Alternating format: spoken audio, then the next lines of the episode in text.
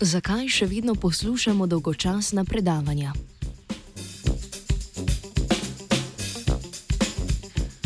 Študija ameriške raziskovalne skupine, objavljena v reviji Science, je razkrila, da je tradicionalna oblika predavanj še vedno najpogostejši način poučevanja na ameriških in kanadskih univerzah. V zadnjih letih se je nabralo veliko dokazov, ki kažejo, da je tradicionalna oblika predavanj, na katerih profesor predava večji skupini študentov, ena izmed najmanj učinkovitih metod poučevanja.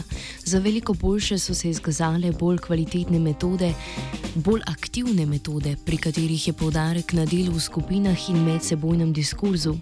Bolj aktivne metode ne izboljšajo samo sposobnosti učenja študentov, ampak tudi njihov odnos do predmeta.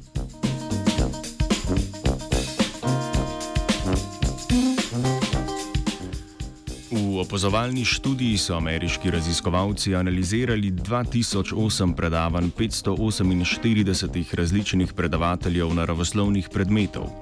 Analiza je potekala tako, da so raziskovalci večkrat obiskali predavanja pri določenem predmetu in v dvominutnih intervalih dokumentirali, kaj počne predavatelj in kaj študentje. Zanimalo jih je, koliko časa predavatelj govori, postavlja vprašanja, piše na tablo in tako naprej, ter koliko časa študentje poslušajo, pišejo, delajo v skupini, rešujejo naloge in podobno.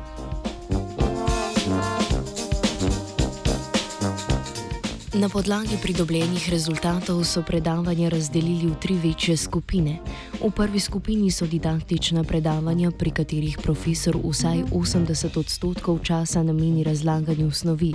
Takšnih je bilo kar 55 odstotkov vseh predavanj.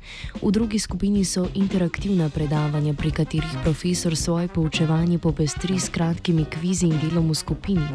Takšnih je bilo 27 odstotkov predavanj. V tretji skupini pa so predavanja, pri katerih različne oblike dela v skupini predstavljajo velik delež celotnega predavanja. Takšnih je bilo samo 18 odstotkov.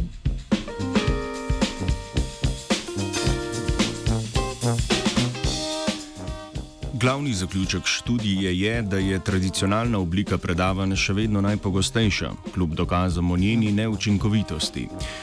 Avtori povdarjajo, da delo v manjših skupinah samo po sebi še ne zagotovi večje kvalitete pouka. Predlagajo, da univerze na različne načine spodbudijo svoje profesorje k prekvinitvi statusa quo. Predlagajo tudi, naj bodoče profesorje že tekom njihovega študija naučijo uporabljati novejše tehnike poučevanja.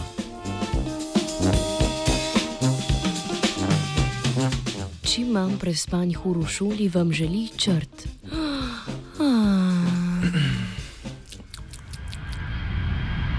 Poslušate Radio Student. Želimo vam uspešen vzlet in prijetno potovanje.